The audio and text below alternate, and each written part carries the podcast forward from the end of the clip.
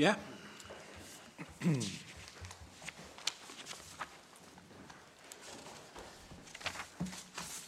Velkommen til justitsministeren og velkommen til Justitsministeriets embedsmænd. velkommen til medlemmer af retsudvalget og velkommen til seere ude i det ganske land på ft.dk eller Folketingstv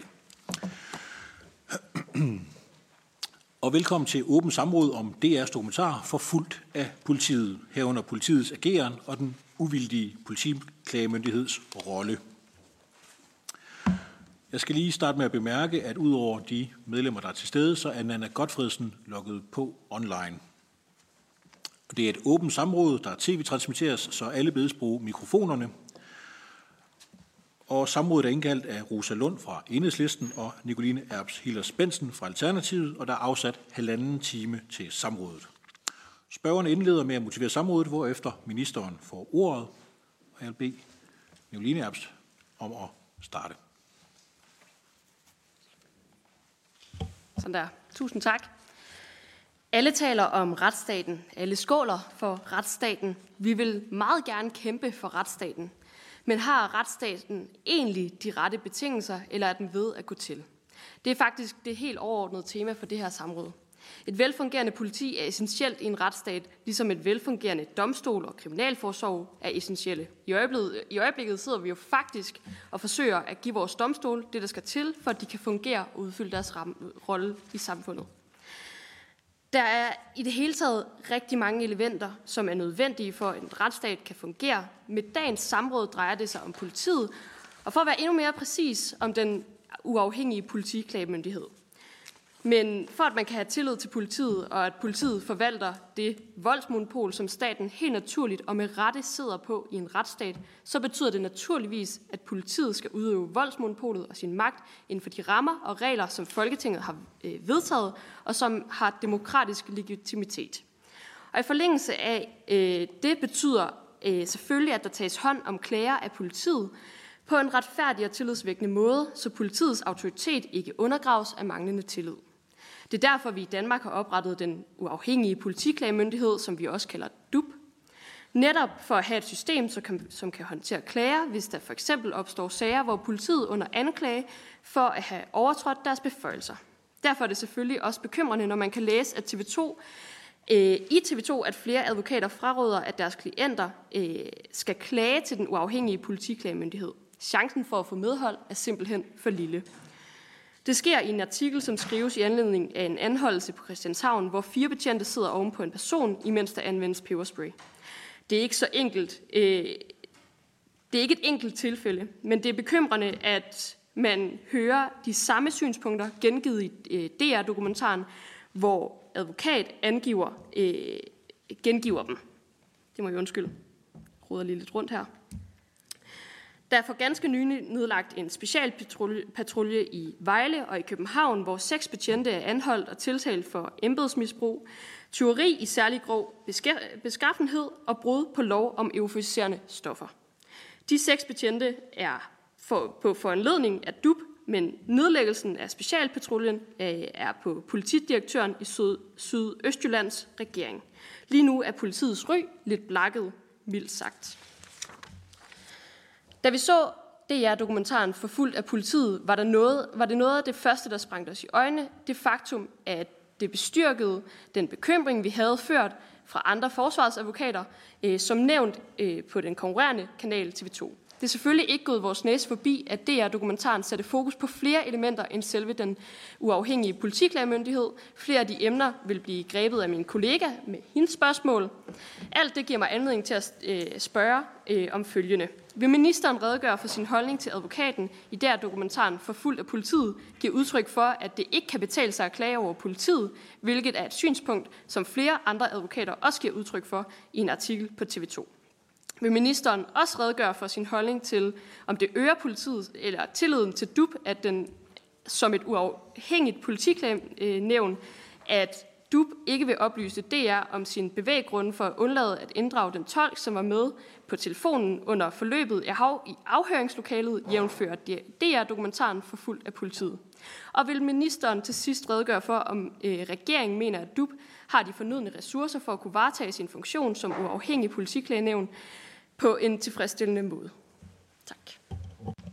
Mange tak til spørgeren, og vi giver ordet til ministeren. Jamen, tak for ordet, og øh, tak for spørgsmålene. Det er jo klart, at de spørgsmål, som, øh, som vi skal drøfte her i dag, det kredser jo alle sammen om et emne, som øh, i hvert fald ligger mig meget på sinde, nemlig tilliden til dansk politi. I Danmark der er befolkningens tillid til politiet høj. Næsten 9 ud af 10 borgere har tillid til, at politiet vil hjælpe dem, hvis de har brug for det. Og den tillid skal vi gøre alt, hvad vi kan for at styrke og bevare. Og den sag, som spørgsmålene udspringer af, er en sag, som har fyldt en hel del i mediebilledet den seneste tid. Det er også en sag, som har givet anledning til kritisk omtale af politiet. Og det gør jo naturligvis indtryk på mig, og derfor er det også vigtigt, at vi får en dag, i dag får en drøftelse af det i retsudvalget. Jeg vil først besvare spørgsmålet om politiets ageren over for den pågældende familie, samt hvad politiet har foretaget sig for at finde den dreng, som for nylig, eller indtil for nylig, var meldt savnet. Herefter vil jeg gå over til at besvare de spørgsmål, som vedrører den uafhængige politiklagemyndighed og tilsynet med politiet og anklagemyndigheden. I forhold til politiets ageren i den konkrete sag har jeg forud for samrådet oversendt en besvarelse af spørgsmål nummer 254, almindelig del, fra Folketingets retsudvalg.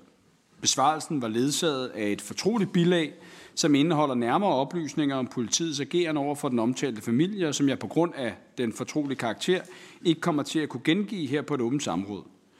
Jeg kan dog understrege, at den kritik, der i den seneste tid er blevet rejst af Sydøstjyllands politi, bliver taget alvorligt, både fra Rigspolitiet og politikredsens side, og at det er et stærkt ledelsesmæssigt fokus i politikredsen på den seneste tids hændelser.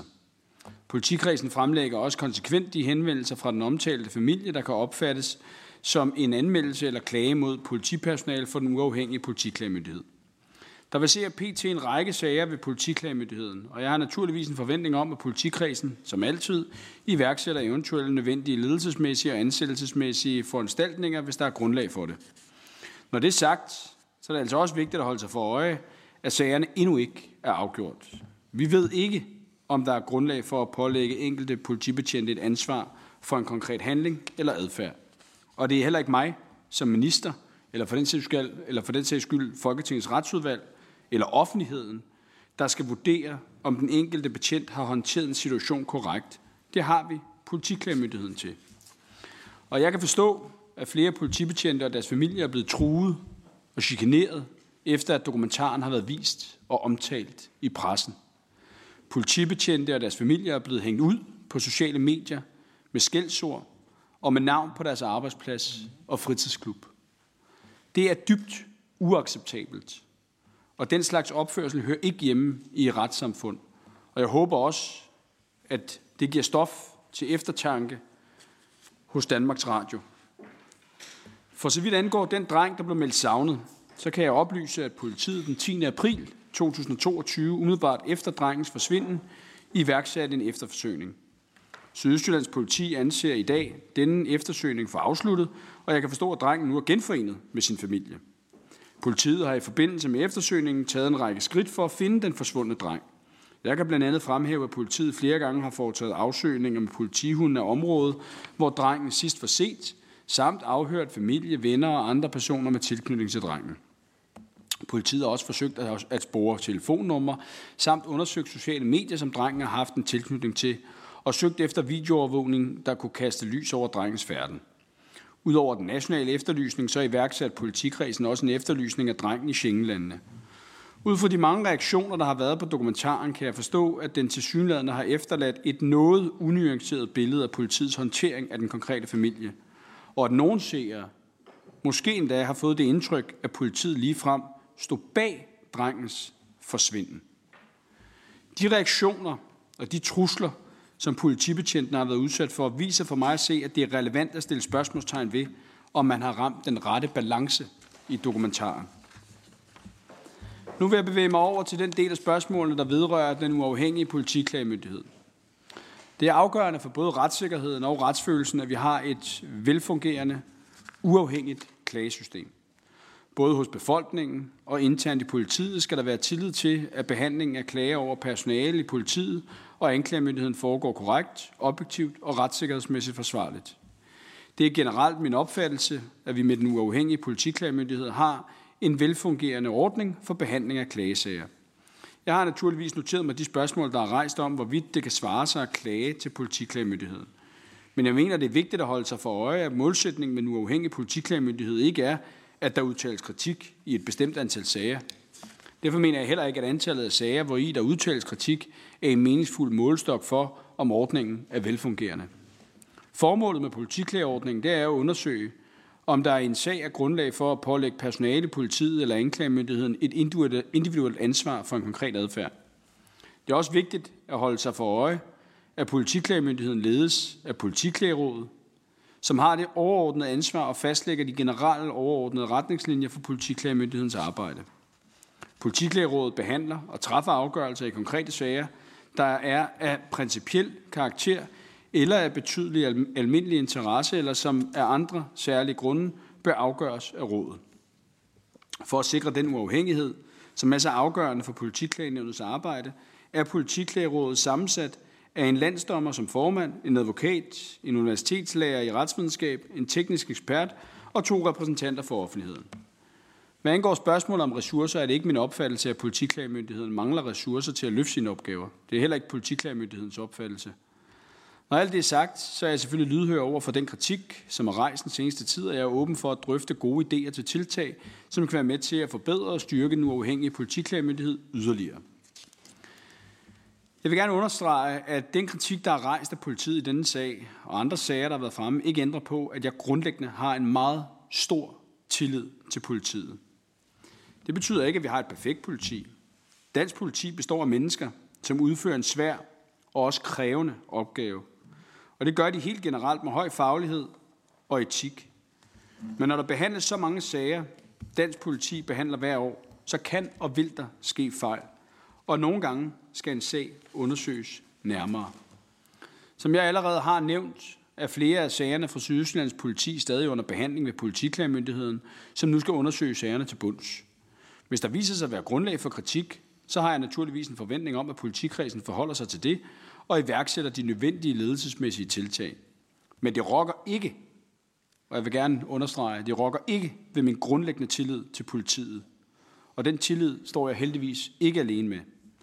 Justitsministeriet gennemfører hvert år en tryghedsundersøgelse, som indeholder en måling af trygheden og tilliden til politiet i hele Danmark.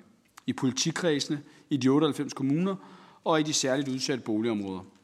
Den seneste undersøgelse fra juni i år viser, at næsten 10 eller 9 ud af 10 borgere har tillid til, at politiet vil hjælpe dem, hvis de har brug for det. Det er en rekordstor andel af den danske befolkning, og det er i mine øjne imponerende tal. Det vidner om et politi, som består af dygtige og hårdarbejdende betjente, der hver dag går på arbejde for at sikre vores allesammens tryghed. Tak for ordet, og tak til politiet. Tak til ministeren. Og vi vender tilbage til spørgeren. Fru Hille Spensen. Tak. Øh, et, et supplerende spørgsmål. Mener ministeren, at det at lukke specialenheden i Vejle øh, og sende betjentene øh, over til andre enheder, øh, er det rette tiltag i forhold til de problemer, som er beskrevet og som er årsag til, at enheden lukkes ned? Ministeren. Altså, jeg har noteret mig, at øh, politi på baggrund af den opmærksomhed, der har været omkring politikredsens specialpatrulje den seneste tid, har besluttet indtil videre, og kun indtil videre, at nedlægge enheden. Det handler om, at den enkelte politikreds skal træffe de foranstaltninger, som de finder nødvendige for, at politiet fortsat kan nyde den særlige grad af tillid og agtelse i befolkningen, som er afgørende for deres opgavevaretagelse. Og jeg kan forstå, at Rigspolitiet også har erklæret sig enige i beslutningen om indtil videre at nedlægge den omhandlede specialpatrulje. Tak til ministeren. Fru Rosalund. Tak for det. Jeg vil gerne spørge ministeren, om ministeren vil undersøge, om der i den her sag, som Danmarks Radio har afdækket, er blevet anvendt ulovlig aflytning, telefonaflytning af politiet. Ikke af politiet, af familien. Til spørgen. Ministeren. Jeg, jeg har intet grundlag for at mistænke nogen for at have foretaget ulovlig aflytning. Men som jeg også var inde på i min sam, samrådsbesvarelse, hvis der er, der er klager, der skal behandles af politiklagemyndigheden, så er jeg tillid til, at politiklagemyndigheden behandler de klager efter de forskrifter, som klager nu engang skal behandles efter. Tak til ministeren. Fru Rosalund. Jamen, jeg hørte godt, at øh, ministeren sagde, at øh, han synes, at klagesystemet er velfungerende. Og nu siger jeg nok noget, som ministeren godt ved i forvejen. Nemlig, at der går omkring 200 dage, før at en sag bliver afgjort af den uafhængige politiklagemyndighed. Øh, det synes jeg ikke er hverken velfungerende eller tilfredsstillende, men det kan være, at ministeren har det anderledes. Grunden til at spørge om det her med aflytning er, at det jo er en smule uklart. Ministeren var også lidt inde på det i sin besvarelse af spørgsmålet, hvad der egentlig er op og ned i den her sag. Og derfor er jeg jo interesseret i at vide, øh, hvad er det for nogle redskaber, politiet har brugt i den her efterforskning, de har lavet øh, af den her dreng. Der er blevet sat en efterforskning i gang. Det har jeg ingen, ingen grund til at betvivle. Slet ingen grund. Men jeg er jo nysgerrig på, om man fra, fra ministerens side vil finde ud af, om der er blevet lavet ulovlige aflytninger af politiet. Vi, vi går jo i enhedslisten en lille smule op i det her med, med retten til privatliv. Det er derfor, jeg spørger. Tak til spørgen. Ministeren.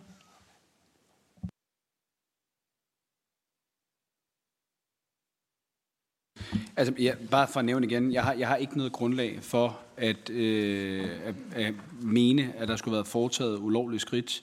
Politiklagmyndigheden har mulighed for af egen drift også at iværksætte øh, undersøgelser, hvis der skulle have været, for, været et brud på, øh, på de regler, politiet nu engang skal agere indenfor. Øh, men, men hvis jeg også bare lige må sige, at jeg synes jo, det er skønt også, at fru Rosa Lund er enig i, at det øh, på alle måder kunne være rart at finde hoved og hale i, hvad det er egentlig, at den her dokumentar gerne vil. Øh, jeg synes, at det har været under al kritik. Øh, de insinuationer, der er blevet skabt fra dokumentarskabernes side, Øh, jeg synes, det er under al kritik, at øh, vi efterfølgende har været vidne til politifolk, som på sociale medier er blevet hængt ud ved navns nævnelse, børns navne, ægtefællers navne, adresser. Øh, jeg synes, det er under al kritik, at Danmarks Radios ledelse ikke tydeligere og klarere har været inde og på en eller anden måde tage ansvar for den situation.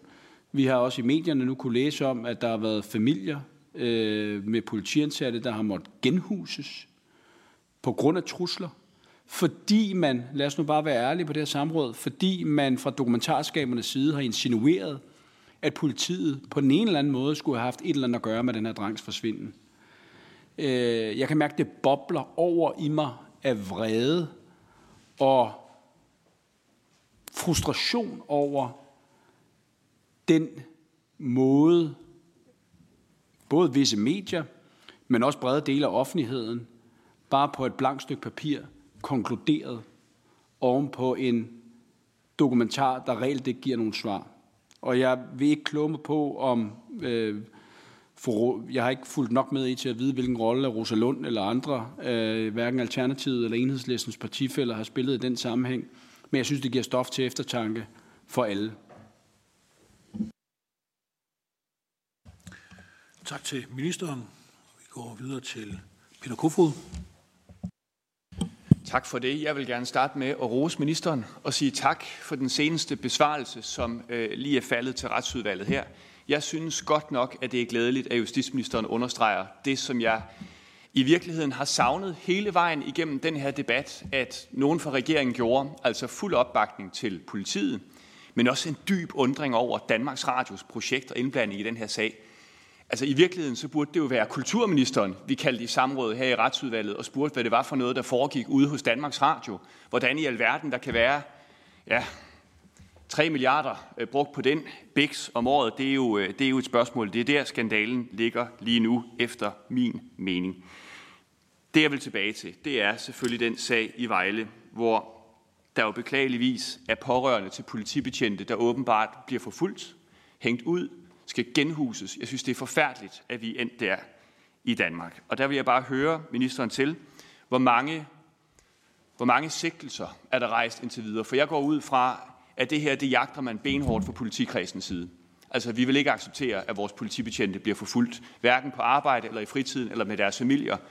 Folk, der gør det, de skal stilles til ansvar, og de skal have nogle meget, meget strenge straffe. Så vil jeg spørge ministeren, hvad vi gør med den situation, der er lige nu i Vejle, hvor jeg kan forstå, at 200 politibetjente har erklæret mistillid til egen ledelse, som jeg forstod det i medierne, og det kommer i kølvandet på den her sag. Så er det, som jeg læste, alle politibetjente tilknyttet stationen i Vejle, som ikke har tillid til politikredsens ledelse. Ekstremt bekymrende. Ekstremt bekymrende. Hvordan vil regeringen rette op på det? Og så vil jeg bare spørge, to små spørgsmål til sidst. Jeg synes, det her det også kalder på en generel diskussion af, hvordan vi accepterer, at vores myndigheder kan svare igen. Nu kommer Danmarks Radio med en dokumentar, hvor man mildest talt må sige, at den efterlader nogle løse ender. Så har jeg også formuleret mig rigtig pænt. Det er et problem, at vores myndigheder sidder som lame dogs og ikke rigtig kan gøre noget for at svare på den måske berettigede kritik, der bliver rejst. Måske er det ikke en berettiget kritik, men at man ikke mere offensivt kan svare igen. Og så kommer mit sidste spørgsmål, så skal jeg nok lade ministeren svare.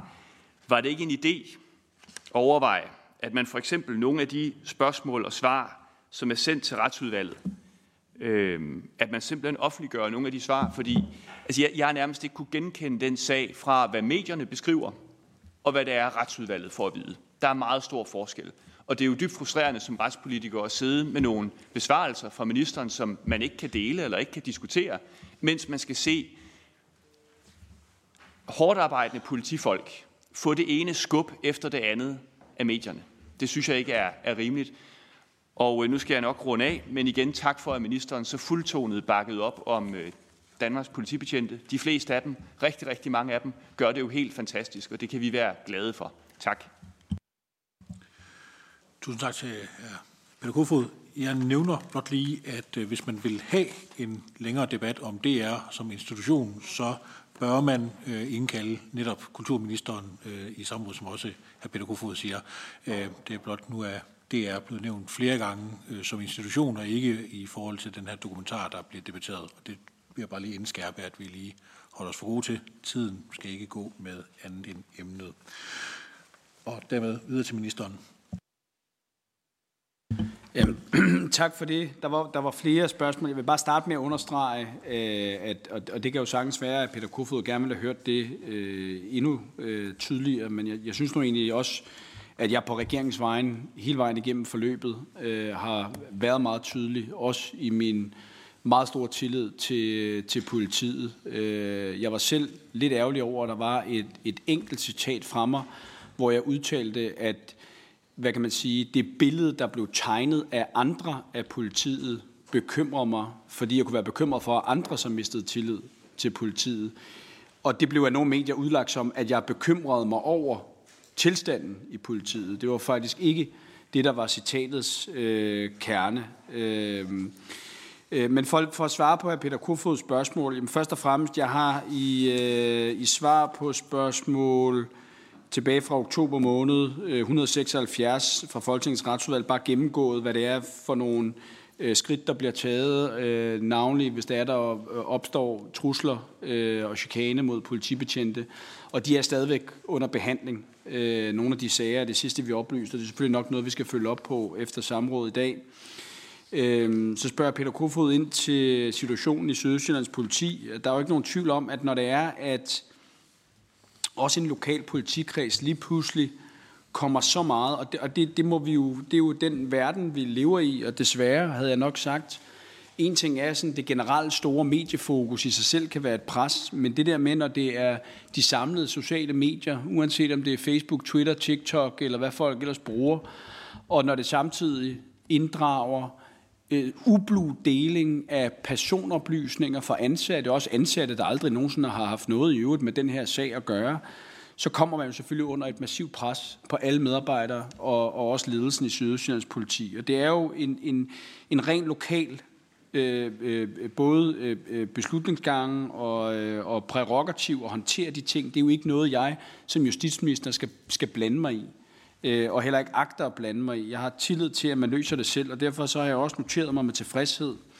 at der i dag efter øh, har været en, en række møder mellem øh, Sydøstjyllands politiforening og øh, også øh, politidirektøren øh, i politikredsen, er blevet udsendt en fælles pressemeddelelse med en række skridt om, hvor man nu er enige om, at man i Sydøstjyllands politi ser, ser fremad. Og det synes jeg er, er rigtig, rigtig positivt.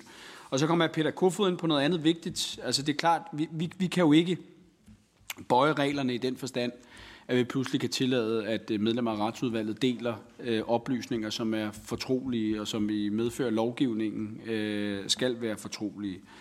Øh, men, men, men jeg tror, vi har, vi har grundlæggende en fælles forpligtelse, både på Christiansborg, men også fra mediernes side, at prøve bare at holde hovedet lidt koldt, til man har et overblik over situationen. Nu havde vi et eksempel på det igen her i søndags, hvor der var ballade efter øh, et fodboldderby i øh, København mellem Brøndby og FC København, hvor i løbet af, af, af, af eftermiddagen begyndte at komme nogle klip frem, og i øvrigt meget hurtigt, også lagde jeg mærke til på sociale medier, er stedført af øh, øh, øh, øh læk af personoplysninger og andet med betjente, der er involveret. Og der var ikke øh, grænser for, hvor mange der anklagede de her politibetjente for at overskride deres beføjelser.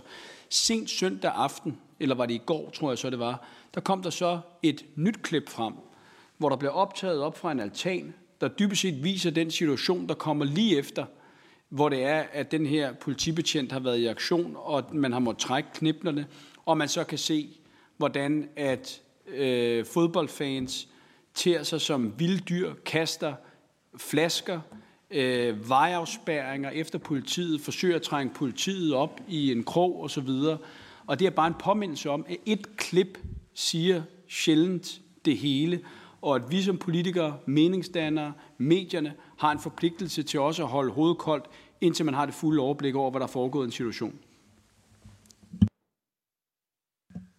Tak til ministeren. Og vi tager fru Bettina Kasper. Tak for det. Altså, jeg synes, det er store ord, ministeren kalder det en dokumentar. Jeg synes, det er en meget ensidig forestilling. Øh, så det skal ministeren da måske lige tænke over, når man udtaler sig om det, fordi det, øh, jeg, jeg synes, det er meget ensidigt fremstillet. Man ser kun familiens egne billeder, man ser kun familiens egne videoer.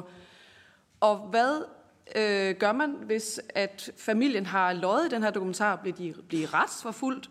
Øh, der er jo den her øh, påstand om, at, øh, at hvad hedder han? Han hedder øh, Adnan, tror jeg. Øh, Øh, angiveligt brækker armen. Det er et privat foto. Har man noget dokumentation for, at han har brækket armen?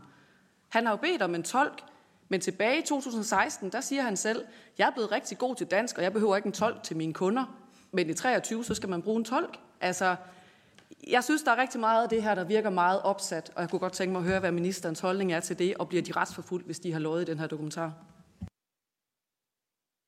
Tak til fru Bettina Kasper. Ministeren? Jamen, som justitsminister, så kan jeg ikke, øh, så kan jeg ikke kommentere på, øh, på, de, øh, på de konkrete hændelser. Øh, og, øh, og det er klart, at altså, politiet behandler jo altid øh, alle anmeldelser, uanset karakter. Også anmeldelser, der måtte, der måtte være af, at man skulle have givet forkerte oplysninger. Jeg har ikke til det her samråd nogen viden med mig, om det er tilfældet eller ej, men det er jo sådan, de generelle betingelser er. Og så ellers altså bare sige, det, det må være op til Øh, øh, øh, dokumentarskaberne, medierne i almindelighed, og, øh, og have den, hvad kan man sige, øh, øh, refleksion øh, om, om det billede, der er blevet tegnet. Øh, nu gav jeg i min indledende, eller min, mit første spørgsmål, mit syn på den sag, og, øh, og det tror jeg vil være stå ved det. Tak til ministeren. Så har jeg lige et øh, spørgsmål selv. Øhm, altså, politiets samlede ry og rygte, de lider jo nogle gange under de her sager her, hvor der kommer øh, videodokumentation frem af forskellige slags fra gaden. Og så er spørgsmålet, om, om det ikke var en idé, om at man sørgede for større offentlighed om politiet, øh, ved at man for eksempel sørgede for, at øh, politiet kunne offentliggøre uredigeret video, som de selv har optaget med droner, kameraer og eventuelt bodycams, øh, da det vil skabe et øh, mere fuldstændigt billede af, hvad det er, der er sket de steder, hvor politiet har været i aktion, hvor der kun findes ensidige øh, videoer og lignende fra øh, måske endda de forrettede eller fra øh, øh, vidner, som kun har set en kort del af det. Øh, for man ser jo til, nu ser jeg en del øh, øh videoer fra USA for tiden med bodycams og med øh, politibetjente, som, hvor at, at offentligheden til at starte med med det samme løber ud og siger, du er morder, og det er forfærdeligt, det der er sket til de her politibetjente, men hvorefter, hvis man så kigger på de her offentliggjorte videoer, og det ligger de op næsten med det samme, så ser man det fulde billede, og får også ret hurtigt afklaret, at øh, den offentlige furore, den er faktisk ubegrundet i rigtig, rigtig, rigtig mange tilfælde. Var det ikke en idé, at man, man øh, kiggede på lovgivning, der kunne være med til at, at give den åbenhed og offentlighed omkring de her sager? Det synes jeg ikke er et, øh, er et uinteressant øh, indspark, så, så tak til formanden for det. Altså, jeg synes grundlæggende, det er vigtigt, at politiet kan benytte teknologi, som også er relevant i forhold til politiets arbejde. Og det er jo herunder også at anvende eksempelvis øh, kropskameraer i, i arbejdet. Jeg er orienteret om, at politiet i 2021 har gennemført et pilotprojekt om brugen af krops- og hjelmkameraer i politiet, og at projektet har resulteret i en række konkrete anbefalinger, som Rigspolitiet skal tage stilling til. Og med afsæt i de erfaringer fra det gennemførte pilotprojekt, øh, så har øh, Rigspolitiet i gang sat et arbejde med at overveje en eventuel ændring, øh, en ændret anvendelse af krops- og hjelmkameraer i politiet, og herunder også, om der skal iværksætte en mere systematisk brug af krops- og hjelmkameraer. Og jeg synes generelt, at debatten om kropskameraer er interessant, og derfor så ser jeg også frem til at modtage Rigspolitiets overvejelser om spørgsmålet, og derefter inddrage øh, retsudvalgets øh, medlemmer i de øh, overvejelser. Tak til ministeren. Og vi går videre til fru Karine Lorentzen Denhardt. Ja, tak for ordet. Jeg fik jo en redegørelse i januar, som jeg af gode grunde ikke kunne øh, sige så meget om, fordi den jo er tavshedsbelagt. Og det slår mig, at hvis øh, politiet havde haft bedre muligheder for at fortælle, øh, hvad der var op og ned i den her sag, så var den her sag måske ikke drevet så langt ud, at vi havde fået den her meget voldsomme debat. Så jeg håber, at ministeren vil øh, overveje, om vi kan finde en bedre ramme, hvor politiet kan få lov at kommunikere mere aktivt. Det tror jeg virkelig, der er behov for, øh, fordi det vil virke øh, tillidsskabende. Det er den ene ting. Og den anden ting øh, er, at... Øh, nu handler det her samråd også en lille smule om øh, den uafhængige politiklagemyndighed. Øh, og øh, selvom jeg var med til at ja, øh, sætte gang i ordningen en gang i 2012, tror jeg, eller før, øh, så har jeg nok glemt, hvordan den fungerer. Det viser sig nemlig, at når man har adfærdsklager, det vil sige klager øh, over politiet, så foregår det i et forvaltningsretligt spor. Hvad betyder det? Ja, det betyder, at klager afleverer noget på skrift, og at øh, duben så indhenter øh, modsvar på skrift. Det forekommer mig måske ikke altid at være den bedste ramme. Måske har man brug for at indhente video. Øh, måske har man brug for at afhøre. Det kan godt lade sig gøre, men øh, det, er, øh, det, er, det er sjældent, det sker, tror jeg. Øh, så spørgsmålet er, vil ministeren være med til øh, at se på, at vi kan give duben nogle flere redskaber til at undersøge den type sager. Øh, for jeg tror simpelthen ikke, at det gør noget godt, at det hele fungerer på skrift. Jeg tror simpelthen, man har brug for for eksempel at kunne indhente video. Det kan man i dag kun gøre med samtykke. Og det virker en lille smule utilstrækkeligt øh, i forhold til at kunne behandle de sager. Så vil ministeren overveje øh, at give duppen en mulighed for at lave undersøgelser med alle de redskaber, som man normalt har øh, i en strafferetssag, øh, i et forsøg på at kunne komme måske dybere ind i de her sager. Øh, og når jeg siger det, så handler det både selvfølgelig om borgernes perspektiv. Øh, de skal selvfølgelig have ret i de sager, som, øh, som de skal have ret i. Men der er også rigtig mange politibetjente, øh, som oplever, at der bliver klaget grundløst over dem. Så den går ligesom begge veje, synes jeg. Så det var mine to spørgsmål. Altså, skal politiet have lov til at sige noget mere? Skal vi kigge på den måde, man behandler klagesager på? Tak til børn. Ministeren.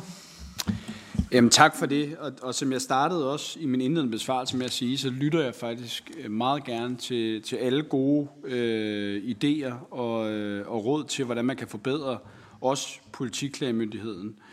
Øh, I forhold til, øh, hvorvidt de skal have adgang til også at indhente videomateriale, altså der står det jo faktisk allerede i dag direkte i retsplejelovens paragraf øh, 1019 lille c, at, øh, at politiklagemyndigheden øh, kan indhente oplysninger for klageren, indklaget og, øh, og andre, og at det sådan set kan være øh, alt det materiale og oplysninger, som, øh, som de kan have behov for. Så kan man så diskutere, sker det så i praksis, og det vil jeg gerne fortsætte dialogen med fru Karina Lorentzen øh, omkring. Øh, og så er der det andet spørgsmål. Skal vi se på adgangen til, at politiet kan kommunikere mere offensivt, øh, også om forskellige sager? Øh, det er jeg bestemt ikke afvisende overfor. Jeg tror altid, det er vigtigt, og det var jo lidt det samme, jeg var inde på. Politiet vil jo ofte allerhelst gerne kommunikere, når de selv også har et fuldskørende billede. Og det er jo også derfor, der er nogen, der nogle gange kan opleve, at det tager lidt længere tid, før politiet siger noget, altså noget sammenhængende og meningsfyldt om en sag. Og det kan jo nogle gange være til stor frustration for enten medier eller nogen af os andre. Øh, jeg tror stadig ikke, det er en klog tilgang, men, men om, om man skal gå ind og se på, om man kan gøre et eller andet for, at de tidligere, for eksempel i det eksempel, Karine Lorentzen nævner, skal kunne sige noget mere. Øh, det vil jeg bestemt ikke afvise. Tak til ministeren. Vi går videre til hr. Preben Bang Henriksen. Tak for det. Tak til ministeren. Og oh, hvor har vi da ventet på de udtalelser, der kom i dag. Det kan erklære mig 1000 procent enig med ministeren, også når han beretter om, hvad der er overgået de her politibetjente og deres familier og deres børn osv. Og så meget desto mere må jeg sige, hvor herre bevares, når man så oplever indkalderne til det her samråd, starter med at fortælle, at politiet har et blakket rygte, og nu er det vel ikke sådan, at der er sket en ulovlig aflytning. Man ved ikke, om det er tilfældet. Man kaster den bare lige ud. Øh, det er ikke en ulovlig aflytning. Jeg troede måske, at de partier, der er indkaldt her, havde været lidt mere interesseret i eksempelvis øh, familierne til de her politibetjente, og hvad der er overgået dem på den her måde. Men det ses åbenbart ikke at være tilfældet. Til ministeren. Ved ministeren, om politiet har eller Justitsministeriet har kontaktet Danmarks Radio øh, med hensyn til øh, at spørge, hvilke undersøgelser Danmarks Radio har foretaget. Har, har politiet vendt den den vej omkring? Øh, jeg tænker på det selskab, som Danmarks Radio eller noget har hyret. De gik jo ret hurtigt falit. Der var næppe andre, der ville købe udsendelser af den her kvalitet. Øh, men, men det må Danmarks Radio jo kunne øh, forklare. Har man spurgt dem, øh, eller, eller øh, tager man bare øretæverne? Det var det ene spørgsmål. Og så vil jeg spørge, spørge om politiet, skråstrej justitsministeren, øh, har kontaktet familien, øh, familien. Jeg tænker på den familie, som passivt så til dokumentaren, eller hvad man nu kalder dens indikering af, at politiet havde draget omsorg for drengens forsvinden, og, og han sandsynligvis lå under nogle blade ude i en skov. Altså, øh, den familie, får de ikke lov at forklare, hvorfor de forholder sig passivt, selvom de ved, at det ikke er tilfældet. Selvom de ved, at han går rundt ned i Tyskland, øh, så siger man ikke noget, så lader man den danske befolkning gå rundt med den øh, antagelse, som jo så har medført øh, konsekvenser på de sociale medier. Og så lige til sidst til Peter Kofod og til fru Karine Lorentzen. Jeg er 100% enig. Øh, jeg tror, at politiet øh, skal til at overveje, hvor passiv man skal være, øh, når man får øretæver af den her øh, karakter. Øh, det, tit og ofte er det desværre sådan, det hele det er fortroligt af en eller anden grund, også når man selv får øretæver. Det kan godt være, at vi skal have vendt det lidt på hovedet, fordi det her, det hører simpelthen ingen steder hjemme. Tak. Tak til hr. Preben Henningsen. Gå til ministeren. Øhm, tak for det til, til Preben Henriksen, og bare for at svare på de spørgsmål. Altså, der har ikke været, altså fra min side eller ministeriets side, nogen på den måde kontakt til, altså, øh, til DR og forsøgt at irettesætte sætte deres øh, journalistik ud over, hvad jeg selv har udtalt mig til kamera. Jeg har så noteret mig, at, at de gange, jeg har gjort det, eller den ene gang, der er det i hvert fald ikke blevet klippet sammen, når jeg har udtalt kritik Øh, så de klippet nogle andre ting ind i det, som jeg husker det. Øh, og øh, jeg kan ikke på stående fod svare på, i hvilket omfang, at, at politiet, øh, i hverken Sydøstlands politi, eller altså Sydøstlands politi stillede jo op og medvirkede i, øh, i dokumentaren, øh, men jeg kan ikke på stående fod svare på, hvilken efter øh, gående øh, dialog, der måtte have været øh, oven på, øh, på tv-udsendelsen. Øh, og, og ellers så er det jo klart, at, at både Rigspolitiet og, øh, har, jo, har jo holdt øh, selvfølgelig en tæt kontakt til øh, politikredsen, fordi det er en politikreds, der jo i sagens natur har været under et, øh, et stort, stort pres. Både med de insinuationer, men jo selvfølgelig også med, øh, med de øh, ledelsesmæssige beslutninger, der skulle træffes øh, efterfølgende. Det er ikke noget, vi fra Justitsministeriet, det er jo en ledelsesopgave for politiet selv at, øh, at, øh, at håndtere. Tak til ministeren. Vi går videre til fru Rosa Lund. Jeg ved ikke, hvad det er for nogle beskyldninger, som flyver rundt omkring i det her lokale. Det har i hvert fald ikke noget med det samråd, vi har indkaldt at gøre, og jeg må sige, jeg synes, det er ukollegialt. Det må jeg bare sige. Øh, jeg synes, øh, jeg er faktisk lidt rystet. Men tilbage til samrådet, og det som samrådet handler om, nemlig den uafhængige politiklagmyndighed og den her dokumentar. Jeg synes faktisk, at det er helt fair, at når man ser noget, som der er nogen, der har lavet en dokumentar om, I må kalde det, hvad I vil, men DR kalder det selv en dokumentar, at man så som retsordfører og politiker stiller et spørgsmål til ministeren og til ministeriet for at finde ud af, hvad der er op og ned, inden man udtaler sig. Det er faktisk det, vi har gjort. Derfor så vil jeg gerne vende tilbage til samrådsspørgsmål Z og samrådsspørgsmål A, som handler om, om ministeren mener, at den uafhængige politiklagmyndighed har de fornødne ressourcer til at lave deres arbejde tilfredsstillende. For jeg tror sådan set på, at vi alle sammen er optaget af, at der er en høj tillid til politiet og en høj tillid til vores myndigheder. Men den tillid lider jo et knæk, når en af landets forsvarsadvokater står på tv og siger, at det ikke kan betale sig at klage. Og det er egentlig bare det, vi spørger øh, ministeren om. Øhm, ja, så jeg kunne godt tænke mig, at, øh, at ministeren vendte tilbage til svaret på samrådsspørgsmål A, som handler om, den uafhængige politiklagmyndighed har de, og ministeren mener, at den uafhængige politiklagmyndighed har de fornødne ressourcer.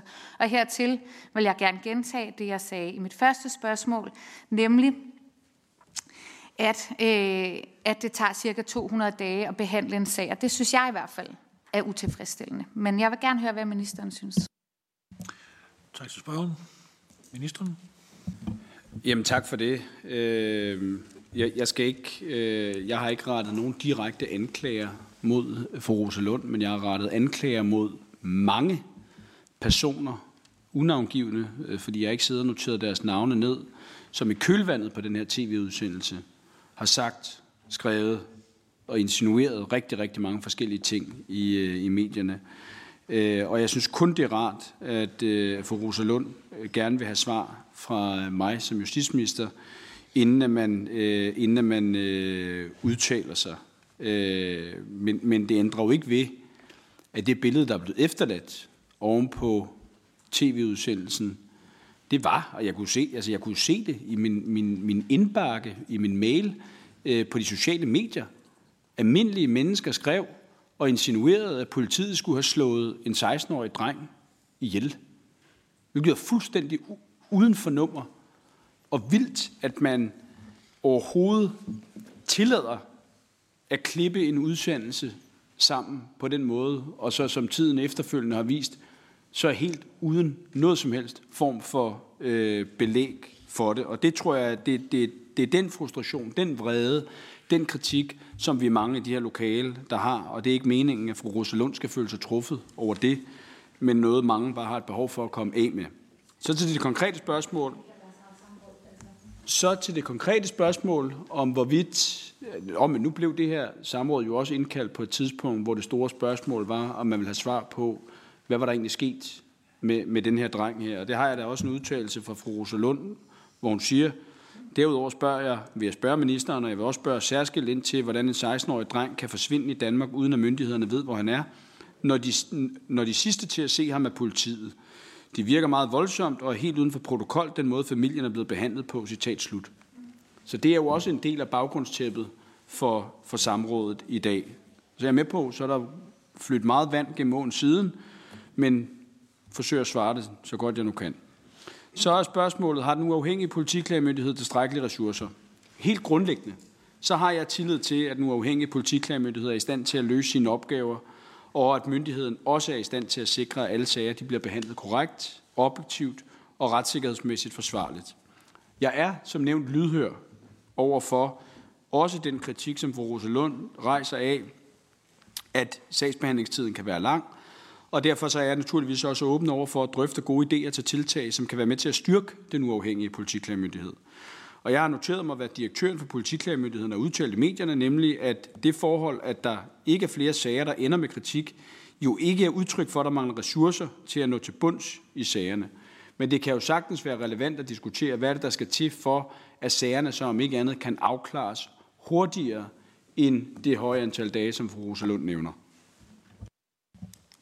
Tak til ministeren. Øh, jeg anskaber lige igen, at øh, dokumentaren, eller det her, det handler ikke om DR som sådan, men det handler om en dokumentar, meget specifik dokumentar, og ligeledes handler samrådet om den uafhængige politiklagemyndighed. Så det er lige på plads. Godt. Øh, fru Nicoline Erbs øh, Hillers Bensen. Tak. Øh, jeg vil også bare understrege, som øh, fru Rute Lund også er inde på, at det her absolut ikke handler om DR's rolle. Det her det handler om, at vi som politikere bliver bekymrede for, øh, hvad der sker i vores politi, når der kommer sager frem. Uagtet at de kan være ensidige, så siger de noget om, at vi skal være sikre på, at vores politi i fremtiden kan være lige så tillidsfulde, som undersøgelserne viser i dag. Og jeg er bekymret for, hvordan vores politi står i fremtiden, hvis ikke vi får sikret, at de har de øh, fornødne ressourcer, at de har de rigtige rammer for at kunne sikre den tillid, som er nødvendig over for borgerne. Ligesom jeg også mener, at det er vigtigt, at vi sikrer tryghed, når man går på arbejde. Det gælder også, når man er politibetjent. Men det er ikke det, samrådet i dag øh, drejer sig om. Jeg fristes til også lige at spørge ministeren ind til, for jeg mangler lidt svar på det, om ikke det er bekymrende, at man kan læse i TV2, at flere advokater fraråder deres klienter at klage til den uafhængige politiklagemyndighed. Det må da være et udtryk for, at man i dag enten ikke kan levere på sin øh, opgave, eller man har øh, for få ressourcer til at kunne levere på sin opgave. Så vil ministeren ikke redegøre for, om ikke ministeren finder det bekymrende? Tak spørgsmål. Ministeren. Mm. altså, hvad, hvad en række advokater måtte have sagt til TV2, da de har ringet og spurgt dem, det, jeg kan jo sagens natur ikke vide, hvad der, der ligger bag det. Men som jeg flere gange har, øh, har fortalt ved det her samråd her, øh, så mener jeg at det er afgørende for retssikkerheden, at vi har et velfungerende, uafhængigt klagesystem, hvor der både befolkningen og politiet er tillid til, at behandling af klager over personale, politiet og anklagemyndigheden, den foregår korrekt, objektivt og retssikkerhedsmæssigt forsvarligt. Øh, det er hverken øh, vurderingen fra mig selv eller fra den uafhængige politiklagemyndighed, at der er et generelt eller stort problem med, med hverken ressourcer eller behandlingen af de klager, der indgår. Men når det er sagt, så er jeg meget lydhør, også fra øh, idéer fra Alternativet til, hvad man kan gøre for at forbedre og styrke den uafhængige politiklagemyndighed. Tak til ministeren. Går til fru Karina Lorentzen. Jeg bliver måske stilfærdigt også nødt til at sige, at øh, når man så dokumentaren, så bliver man jo simpelthen i tvivl om, hvad der var sket. Jeg må indrømme, at jeg fik også et øjeblik i tvivl i mit hjerte i forhold til den redegørelse, jeg havde fået. Hvad var nu op og ned på det? Altså den brækkede arm, den forkerte underretning, øh, navnet på bloggen, som var der alligevel. Øh, og så kom nedlæggelsen af specialenheden, som jo vel næsten var en anerkendelse af, at der var et problem. Så måske kan jeg godt forstå, at nogen har siddet derude og tænkt, hvad søren handler det her om? Øh, og igen øh, vil jeg bare slå et slag for, øh, hvad hedder det, at man får en mulighed for at kommunikere øh, mere omkring de her sager. Det var en indledende bemærkning. Øh, jeg vil høre ministeren, om han kunne forestille sig, at man nedsætter en arbejdsgruppe, som kigger nærmere på det uafhængige politiklagemyndighed. Øh, fordi Vi har en udfordring med, at betjentene synes, det går for langsomt. Der er chikanøse og grundløse klager. Hvordan kan vi gøre det her system bedre omkring den del? Men vi har også det, at forsvarsadvokater øh, siger åbenlyst, det kan ikke betale sig at klage til DUB, fordi man får alligevel ikke noget ud af det. Og jeg synes, begge, begge synspunkter er jo, øh, er jo et problem. Øh, og jeg synes, at vi skylder at få kigget nærmere på, øh, hvordan Hvordan kan vi lave en revision eller nogle forbedringer? Jeg stiller mig en lille smule uforstående over for, at man bare uden videre kan i adfærdssager indhente videodokumentation. Jeg synes, jeg har stødt på nogle eksempler, øh, hvor borgere siger, at det kan man ikke. For eksempel, hvis der har været brugt et kropskamera, så kan man ikke uden videre få, øh, få udleveret den slags. Øh, det må jeg stille spørgsmål om, øh, så vi kan få det kortlagt. Men det synes jeg faktisk er lidt et problem, fordi det giver jo en udfordring i forhold til at få belyst sagerne. Så kunne ministeren forestille sig, at vi, øh, at vi nedsætter sådan en arbejdsgruppe, der kigger nærmere på, hvordan kan vi lave nogle forbedringer i det her system, så både borgere øh, og politibetjente måske bliver, bliver gladere for det. Og i virkeligheden så handler det om tillid til vores bærende institutioner. Mange tak spørgen. Ministeren? Jamen tak for det, og vi svarer naturligvis meget gerne skriftligt på de øh, spørgsmål, der, øh, der kommer ind. Øhm, øh, jeg er bestemt ikke afvisende over for nogle skridt, øh, og det tænker jeg, at vi lige må tage en opfølgende drøftelse af på et, øh, et givet tidspunkt. Øh, det vil jeg meget gerne også mødes med Karine Lorentzen og, og andre øh, retsordfører om. Øh, til gengæld dog lige sige, at der blev jo faktisk i 2017 gennemført en evaluering af politiklagemyndigheden, og måske kan fru Karine Oransen også huske den, og den evaluering den konkluderede blandt andet, at det lykkedes at etablere en klagemyndighed, som af flertallet blandt klagerne opfattes som uafhængig, og som også synes at give flere mod på at klage over politiet, uden at andelen af klager, der er tilfreds med behandling af deres klage, af den grund var øget, i det de utilfredse jo fortsat udgjorde det store flertal. Og det tror jeg nok ikke, man kan komme udenom. Men ikke desto mindre så pegede den evaluering jo grundlæggende i retning af, at, øh, at politiklagemyndigheden jo faktisk gør deres arbejde og opfylder øh, dets behov. Og så tror jeg bare som en generel bemærkning, og det er uden relation til det, fru Karina Lorentzen i øvrigt havde selv af bemærkninger og spurgt ind til, men, men jo også bare sige, altså, jeg, jeg, jeg, og jeg ved ikke helt, hvad det er, der skal til, fordi jeg synes, der har været en række eksempler, også i medierne, og hvad man har fulgt af debat på, på de sociale medier om, hvad man forventer. Altså politiet har jo som det også bliver sagt i indledningen til det her øh, øh, samråd, har jo nogle magtbeføjelser, som de også skal benytte sig af, når det er nødvendigt. Det skal de selvfølgelig altid gøre, når det er proportionelt osv., men vi har som borgere også en pligt til at følge politiets anvisninger. Hvis man er til fodboldkamp og bliver bedt om at forlade matriklen, så gør man det. Og hvis ikke man gør det, så er det politiets gode ret til at få en væk derfra. Også med alle de redskaber, politiet har i værktøjskassen. Det gælder også, hvis man bliver stoppet på cykel. Det gælder også i alle mulige andre sammenhænge.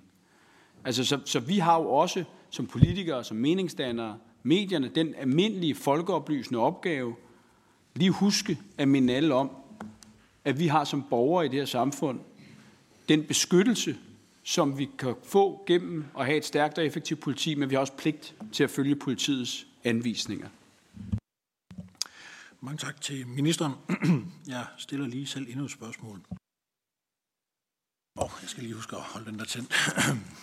Dokumentaren starter med en øh, enkelt, meget kort notits om familiens øh, interesse i, øh, eller politiets interesse i familien, altså Farhats familie. Øh, og derfra så nævnes det sådan set ikke igen i den her dokumentar. Nu handler det specifikt om dokumentaren jo også. Øhm, og det er, at der er fundet nogle 100 kilo øh, vandpibetobak i øh, øh, et sted, hvor man mener, det kan påvises, at det er i frisørens besiddelse. Det derfra hører vi sådan set ikke mere om, hvorfor politiet er interesseret i familien resten af dokumentaren, og det viser jo en form for ensidighed i hvert fald i fremstillingen af den. Men det fører mig så også til spørgsmålet om, ser justitsministeren så et stort problem i smuglingen af tobak øh, ind i Danmark til tobaksfabrikker i, lad os sige det sydjyske, øh, hvor man øh, øh, laver falske øh, tobakspakker til vandpibetobak og til alle mulige andre ting.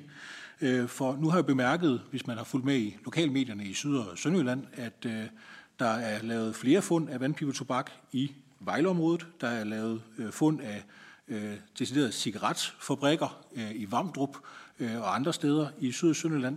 Og så bliver det jo sådan en, en, et åbent spørgsmål om, et af justitsministeren bekendt med, at det skulle være den årsag, at politiet havde interesse i øh, fars familie, som den ene ting. Og den anden ting skulle det være et øh, større problem i Syd- og Sønderland, at der er øh, meget stor smugling og meget stor parallelimport af tobaksprodukter, som øh, er et generelt problem, som der måske skal kigges nærmere på. Øh, jeg skal prøve at svare kort på det, fordi jeg tror i virkeligheden, hvis formanden tillader det, at jeg øh, gerne vil, øh, vil vende tilbage på skrift på en række af de spørgsmål. Jeg synes, der er nogle interessante betragtninger i det. Generelt tror jeg, jeg vil svare, at jeg har sådan set tillid til, at også den indledende interesse for familien, ligesom alle mulige andre, der bliver efterforsket af politiet, og det øh, har grund i, øh, i en savlig efterforskning. Øh, og, øh, og det er det ene. Øh, og, og, øh, og det andet er, og vil bare minde retsudvalget om, at jeg øh, for nylig har oversendt i fortrolig form, og derfor kan jeg ikke sige noget om det på et åbent samråd, men i fortrolig form har jeg oversendt et svar til retsudvalget om øh, de øh, sigtelser og tiltaler, øh, der har været af forskellige medlemmer af, øh, af den omtalte familie. Mange tak til ministeren. Ud til Rosa Lund. Tak for det. Jamen, øh, jeg kan jo så bare til sådan min egen tilfredsstillelses skyld være glad ved, at det, jeg selv har sagt til Danmarks Radio, stemmer fuldt ud overens med det samme spørgsmål, nemlig spørgsmål V, som jeg har stillet til ministeren, og som ministeren tropper op i samråd og svarer på. Det siger jo noget om, trods alt, at der er noget af det her samråd, som fungerer. Øhm, det, jeg gerne vil vende tilbage til at spørge om, det er det her med tilliden til politiet, som jeg altså vidderligt tror, vi alle sammen har en interesse i, eksisterer øh, og er der. Det er, jo, det, er jo netop det, der, det er jo netop det, der gør, at vi, vi giver politiet som den eneste institution de her magtbeføjelser til at gøre de ting, som ministeren netop nævner. Gode eksempler, synes jeg, med fodboldkampe og cykelstier og så videre. Øhm, men det kræver jo, at tilliden er der, og derfor vil jeg gerne spørge til, om det er en idé at flytte den uafhængige politiklagemyndighed længere væk fra politiet. Altså at lave en større armslængde, øh, for ligesom at undgå, at vi ender i den her situation, hvor at borgerne går og tænker, er det bare politiet, der undersøger politiet? Det svarer jo til, at Danske Bank undersøger sig selv for hvidvask. Haha. Øh, det var jo gerne ikke den situation, vi skulle være i. Men Det skulle jo gerne være sådan, at når man øh, retter henvendelse til den uafhængige politiklagmyndighed, så står man ikke tilbage som borger med en følelse af, nu er det bare politiet, der undersøger politiet. Så det, jeg spørger ministeren om, er, om vi kan lave en model, hvor der kommer en større armslængde mellem politiet, altså mellem Rigspolitiet og den uafhængige politiklagmyndighed. Tak spørgen. Ministeren. Jamen, altså helt grundlæggende, øh, så øh, bare for at nævne det igen, altså jeg har grundlæggende tillid til, at politiklagemyndigheden er i stand til at løse sine opgaver, og at myndigheden også behandler sagerne korrekt, objektivt og retssikkerhedsmæssigt forsvarligt. Og det er jo klart, at øh, et, et, en vigtig del af det, øh, det er jo øh, politiklageordningen, øh, hvor det er, at politiklagerådet, som er politiklagemyndighedens øverste ledelse, har det overordnede ansvar også for myndighedens virksomhed. Og bare for at gentage, altså politiklagerådet er sammensat af en landsdommer som formand, en advokat, to repræsentanter for offentligheden som indstilles af kommunernes landsforening og Dansk Folkeoplysningssamråd, og så en teknisk ekspert og en universitetslærer i retsvidenskab. Altså bare for at sige det lidt firkantet, jeg, jeg er ikke enig i beskrivelsen i, at politiklagemyndigheden er politiet, der undersøger sig selv. Øh, og, og igen, jeg tager meget gerne med videre og overvejer også alt, hvad der er kommet af forslag på samrådet i dag til, hvordan man så kan styrke politiklagemyndigheden, men, men, men jeg vil også anfægte præmissen og beskrivelsen om, at det ikke skulle være et uafhængigt råd, øh, eller at det skulle have en for tæt sammenkobling med politiet, eller i øvrigt ikke oplyse øh, sagerne øh, korrekt. Det sidste øh, tillægger jeg ikke Rosa Lund at skulle have sagt, men det er noget af det, man har hørt i, øh, i, som en del af den offentlige debat. Tak til ministeren. Vi går til hr. Tobias Grotkær Elmstrøm. Men det er lidt i forlængelse af det, som fru Karin Lorentzen og fru Rosa Lund har, har snakket omkring, den her arbejdsgruppe i forhold til at kigge på, på DUP.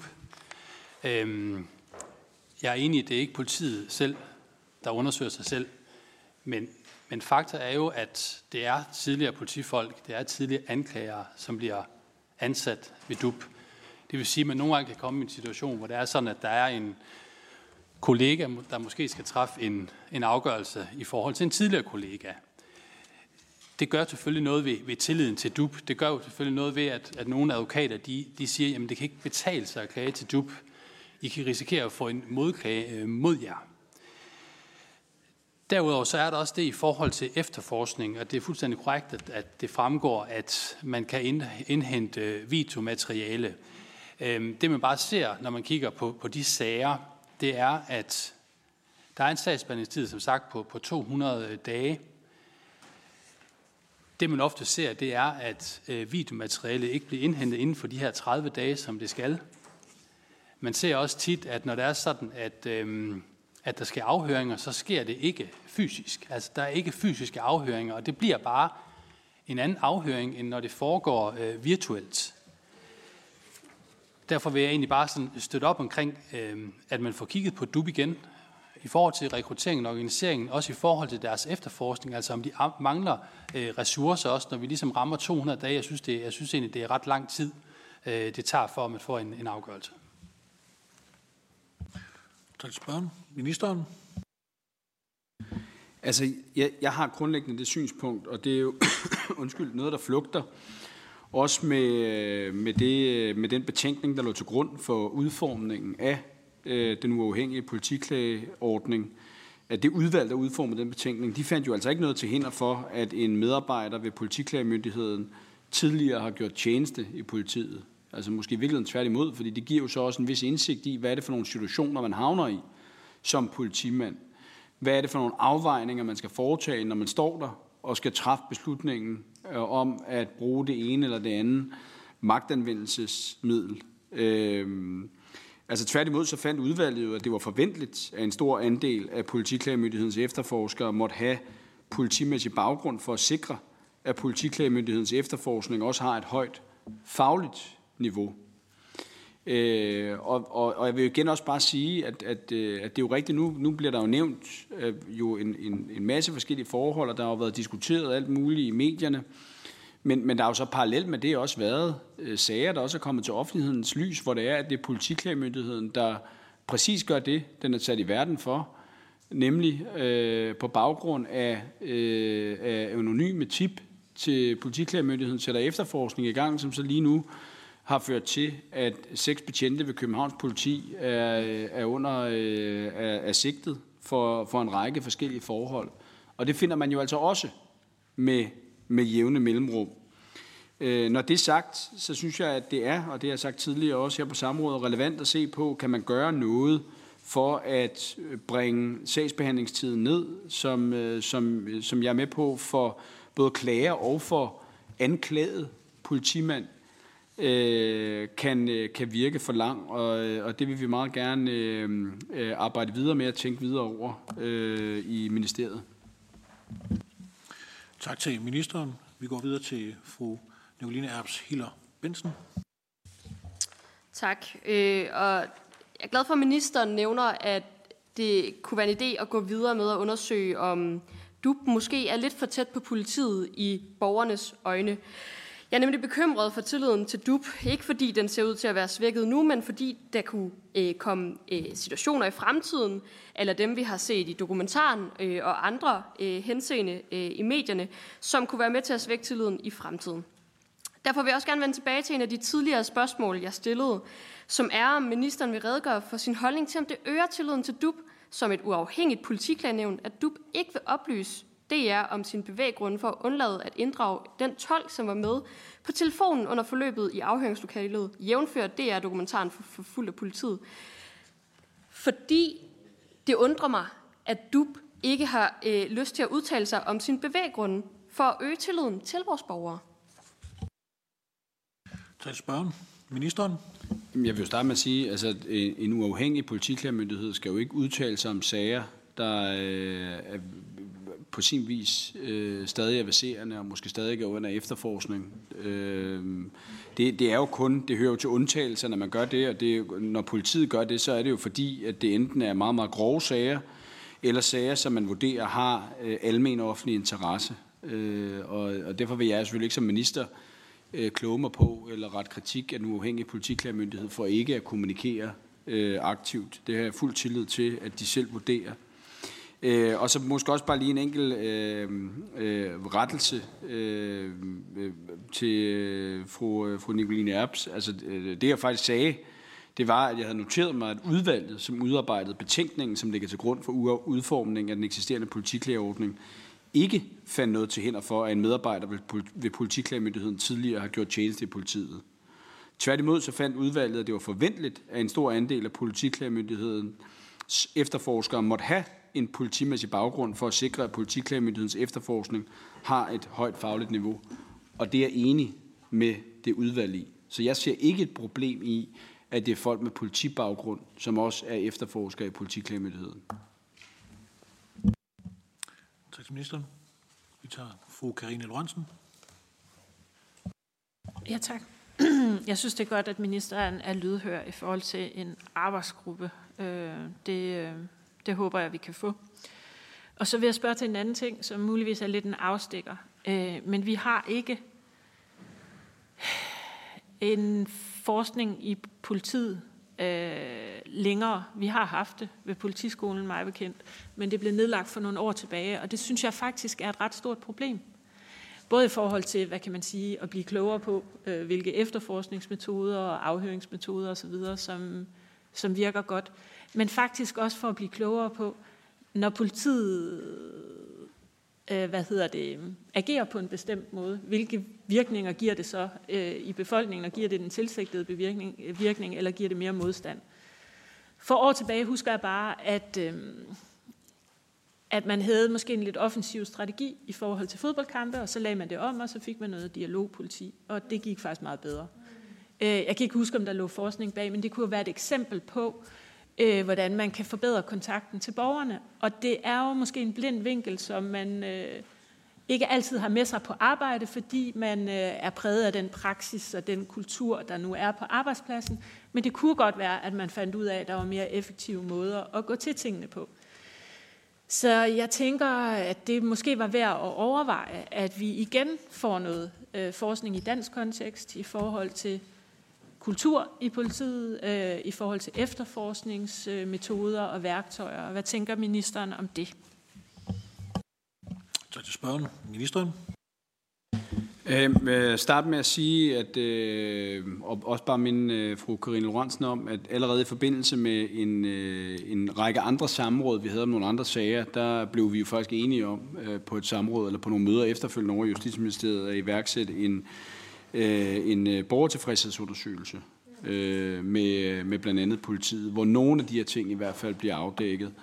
Øh, omkring det at have hvad kan man sige, et egentligt forskningscenter i regi af politiskolen, Øh, altså det vil jeg hverken øh, love eller afvise, men jo sige, det vil jo være nærliggende at drøfte, øh, når vi øh, på et eller andet tidspunkt i det nye år, vi går ind i, skal til at diskutere et politiforlig, der rækker, der rækker ud i fremtiden. Jeg, kender ikke, jeg kan ikke huske på stående fod, hvad der lå til grund for, at man, øh, at man nedlagde øh, den øh, funktion, som fru Karine Lorentzen henviser til.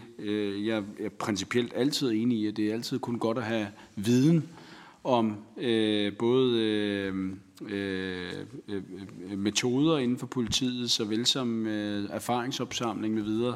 Så det, det vil jeg ikke på det her samråd her i hvert fald øh, blankt øh, afvise. Tak til ministeren. Vi går videre til Bettina Kasper. Tak for det.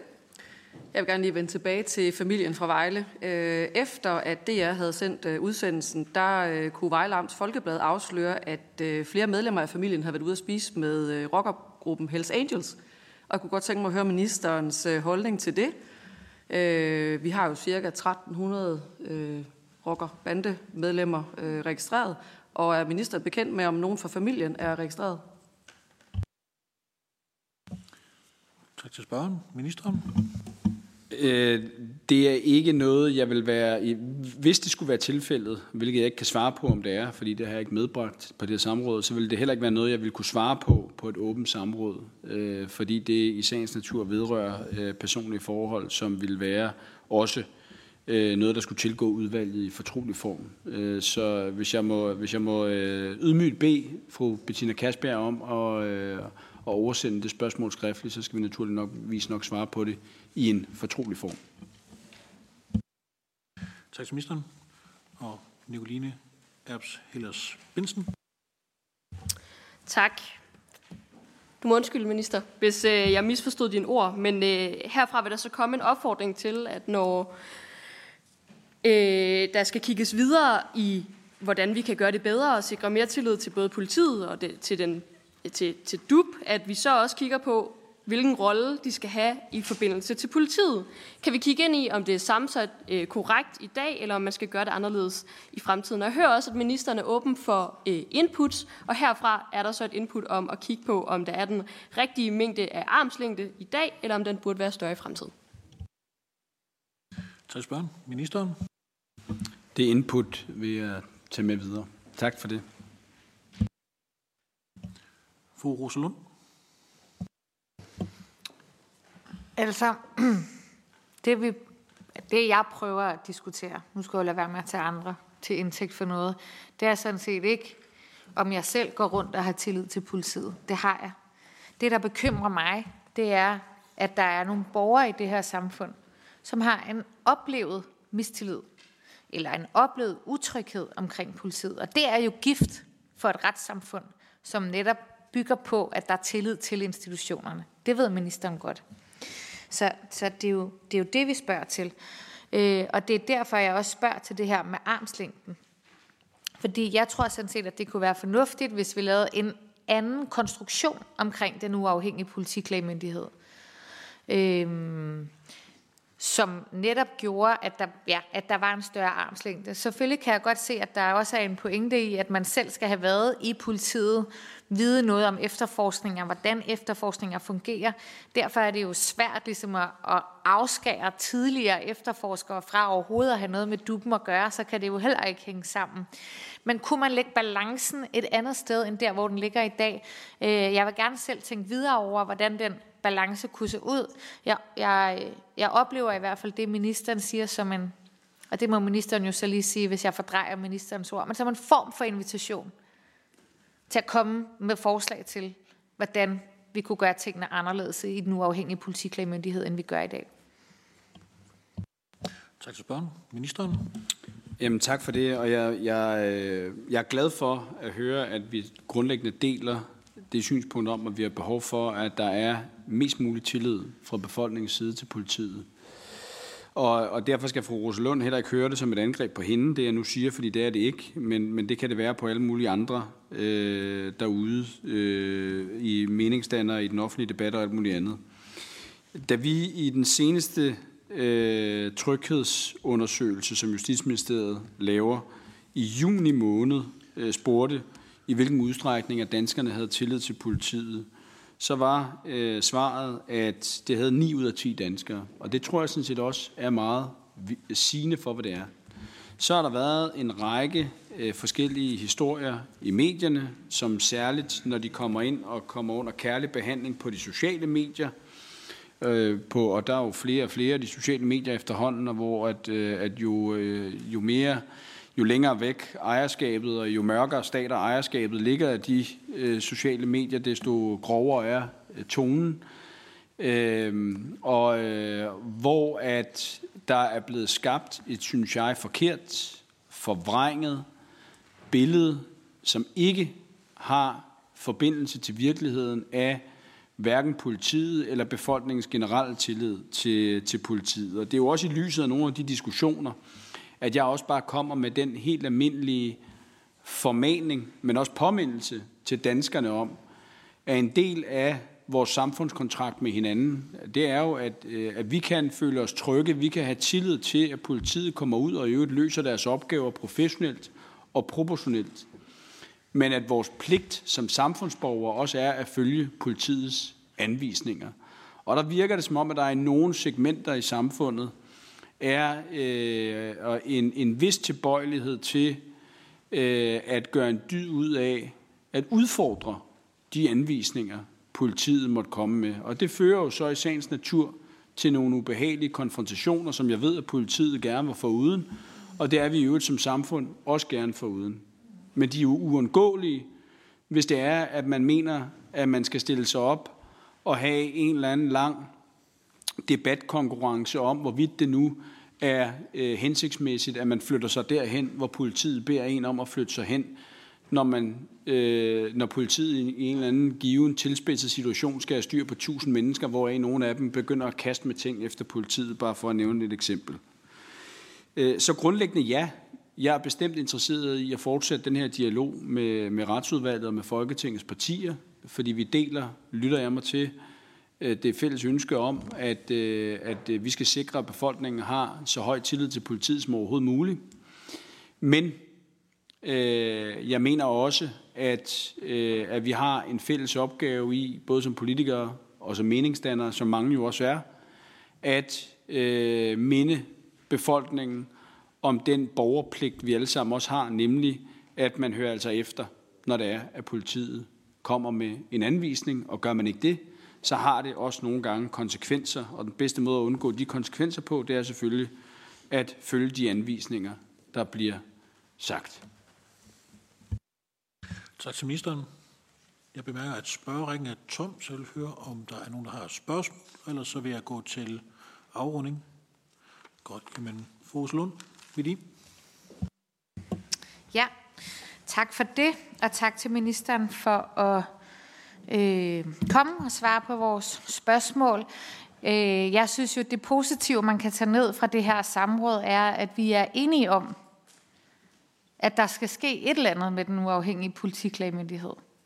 Det var i hvert fald det, jeg hørte ministeren sige. Og ministeren inviterer retsudvalget til at komme med gode idéer til, hvordan vi kan styrke den uafhængige politiklagmyndighed og styrke tilliden til politiet, som jeg sådan set tror, vi alle sammen er interesseret i. Så det synes jeg er på, øh, på den positive side. Men jeg bliver simpelthen også nødt til at sige, at i al den tid, jeg har siddet i Folketinget, så har jeg ikke oplevet noget så ukollegialt, som jeg har oplevet på det her samråd. Altså, øh, der bliver insinueret ting omkring alternativet, omkring enhedslisten, omkring hvad vi mener om politiet, som ingen af os nogensinde har sagt hen over bordet. Og det her samråd, synes jeg, stak fuldstændig af. Hvis man gerne vil snakke om DR og kulturen, og jeg ved ikke hvad, alt muligt spændende ting med justitsministeren, så kan man indkalde sit eget samråd. Øh, hvis man har øh, i øvrigt øh, andre ting, man gerne vil tale med ministeren om, så kan man også indkalde sit eget samråd. Øh, og jeg synes i hvert fald, at det var meget utilfredsstillende og også øh, utilfredsstillende let af formanden. Men det har jo ikke noget med ministeren at gøre. Tak. Ja, og med de ord, så er der ikke andet at sige, end at samrådet det er slut. Tak til ministeren, og tak til embedsmændene.